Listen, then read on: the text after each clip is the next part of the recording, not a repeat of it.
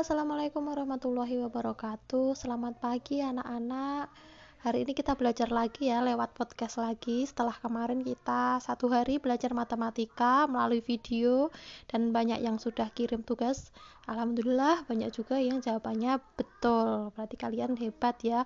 Video yang dikirim itu bisa ditonton berulang-ulang, dan kalian juga harus ikut mengerjakan oh ternyata caranya seperti ini kalau cuma melihat saja akan sulit sekali memahami itulah uh, uniknya belajar matematika baik hari ini kita akan lanjut belajar bahasa Indonesia Sebelum dimulai, mari kita berdoa menurut agama dan kepercayaan kita masing-masing agar pembelajaran pada pagi hari ini berjalan dengan lancar. Berdoa dimulai.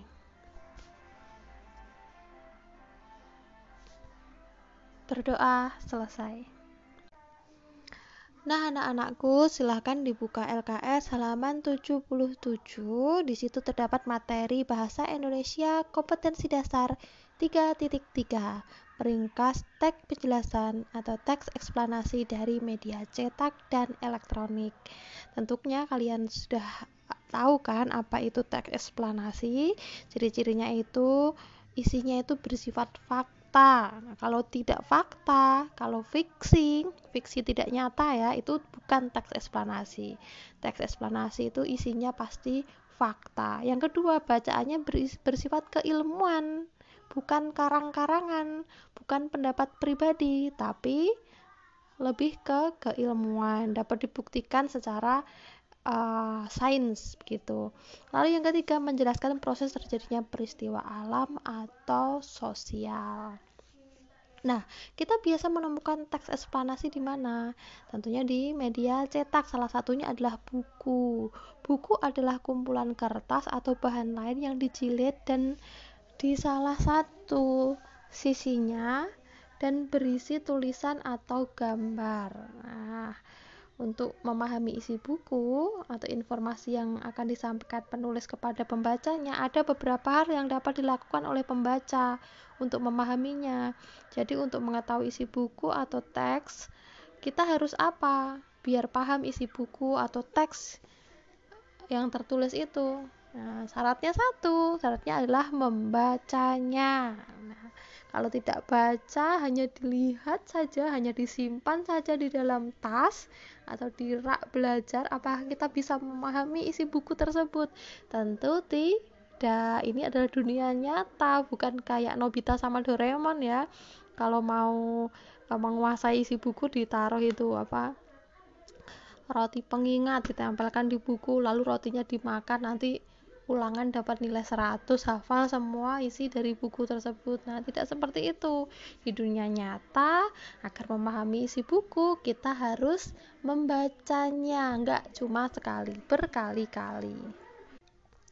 Membaca itu adalah kegiatan meres meresepsi, menganalisis, menginterpretasi, uh, yang dilakukan oleh pembaca untuk memperoleh pesan yang hendak disampaikan oleh penulis dalam media tulisannya. Nah, kegiatan membaca ini meliputi membaca nyaring dan membaca dalam hati. Apa itu membaca nyaring? Apa itu membaca dalam hati? Yang membaca itu ada dua ya, membaca nyaring dan juga membaca dalam hati. Apa itu? Nah, membaca nyaring adalah kegiatan membaca yang dilakukan dengan cara membaca keras-keras di depan umum kayak Bu Dewi ini. Bu Dewi ini membaca nyaring karena keluar suaranya. Jadi moco metu suara nih banter itu namanya membaca nyaring ya. Lalu membaca dalam hati itu adalah kegiatan membaca dengan seksama yang dilakukan untuk mengerti dan memahami maksud atau tujuan penulis dalam media tulis. Nah tapi membacanya tidak sambil mengeluarkan suara hanya di dalam hati. Misalnya uh, Bu Dewi bilang nih, ayo anak-anak sebelum ulangan baca dulu materinya 10 menit misalkan. Baca dulu rangkumannya 10 menit. Kalian di kelas semuanya membaca mengeluarkan suara tentunya teman-teman nggak akan fokus. Nah semuanya di kelas boleh membaca tapi membaca di dalam hati. Ya membaca tapi tidak mengeluarkan suara. Itu namanya membaca di dalam hati. Sudah tahu kan perbedaannya? Membaca nyaring dan membaca di dalam hati. Nah, membaca di dalam hati itu sendiri ada bermacam-macam. Yang pertama, membaca di dalam hati dapat dilakukan dengan membaca sekilas atau membaca yang dilakukan secara sepintas. Membaca sekilas ya. Nah, ini membaca yang hanya difokuskan pada bagian-bagian teks yang penting. Membaca sekilas dilakukan untuk mendapatkan garis besar isi bacaan. Jadi membacanya itu hanya sekilas, hanya fokus pada hal-hal yang penting saja. Selain membaca sekilas, ada juga membaca memindai atau sering disebut membaca scanning. Membaca memindai bertujuan agar kita menemukan informasi dari bacaan secara cepat dan tepat. Membaca memindai dapat dilakukan untuk keperluan membaca yang tidak terlalu mendalam, seperti membaca buletin, surat kabar, atau brosur. Jadi membaca scanning ya atau membaca memindai itu hanya sama sekilas saja. Itu hanya untuk membaca jika kita tidak perlu memahami secara mendalam. Seperti membaca brosur ya lalu membuat ringkasan. Nah tadi udah membaca membuat ringkasan. Kalau kalian mau membuat ringkasan langkah awal yang perlu dilakukan apa? Sama yakni membaca terlebih dahulu ya. Meringkas itu merupakan salah satu kegiatan yang paling sering dilakukan untuk mengetahui isi bacaan. Meringkas dapat dilakukan dengan cara menemukan pokok pikiran dan informasi penting dalam sebuah bacaan. Meringkas adalah suatu cara menyajikan karangan yang panjang dalam bentuk dalam bentuk yang pendek. Tadi kan bacaannya panjang lalu diubah dalam bentuk pendek dan lebih singkat. Nah, ringkasan tersebut dapat membantu kita jika kita lupa isi buku yang telah kita baca dapat mengingatnya kembali dengan membaca ringkas tersebut. Nah, ciri-ciri ringkasan yang baik bagaimana? Nah, kemarin kalian sudah membuat ringkasan kan? ternyata ada masih beberapa anak yang membuat ringkasannya itu kurang tepat tapi sudah uh, lumayan ya untuk permulaan membuat ringkasan ada beberapa anak yang membuat ringkasannya itu satu paragraf dibuat ringkasannya satu paragraf. Harusnya beberapa paragraf dibuat ringkasan menjadi satu. Itu namanya ringkasan ya. Tidak harus berparagraf. Kalau apa meringkas satu paragraf ringkasannya juga satu paragraf ya terlalu panjang. Ringkasan itu harus jauh lebih pendek dari teks aslinya. Nah ditulis dengan kata-kata sendiri. Kalian baca dulu satu paragraf. Lalu kalian misalnya sulit kalian baris bawahi dulu hal yang dianggap penting. Atau kalimat pokoknya intinya dan hal yang dianggap penting. Lalu diubah dengan kata-kata sendiri. Yang penting tidak mengubah makna atau esensi dari bacaan.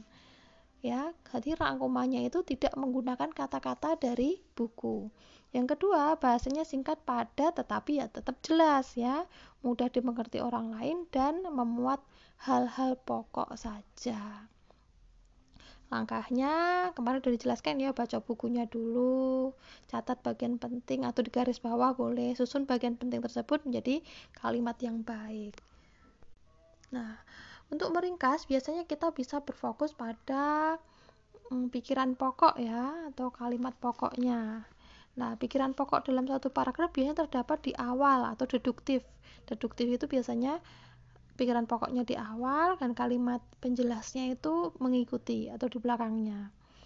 Tengah at, tengah atau akhir paragraf gitu. Di akhir paragraf itu namanya induktif ya.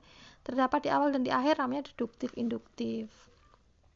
Nah, pikiran pokok ini dapat uh, disebut bermacam-macam ya. Ada juga uh, yang menyebutnya ide pokok ada juga para inti paragraf, inti masalah, masalah utama, pokok masalah, pikiran utama dan lain-lain. Tapi intinya itu sama ya. Intinya pikiran pokok itu adalah yang menjelaskan isi dari semua paragraf tersebut, inti dari semua paragraf tersebut, dari satu paragraf itu. Nah, cara menentukan inti pokoknya bagaimana? Yang membaca dari keseluruhan teks bacaan terlebih dahulu, memahami isi bacaan di bacaan tersebut, lalu setelah itu kalian bisa menyimpulkan di mana tuh letak ide pokok bacaan tersebut. Ini uh, mencari ide pokok sudah pernah kita jelaskan kemarin di semester 1. Saya yakin kalian sudah memahami materi ini.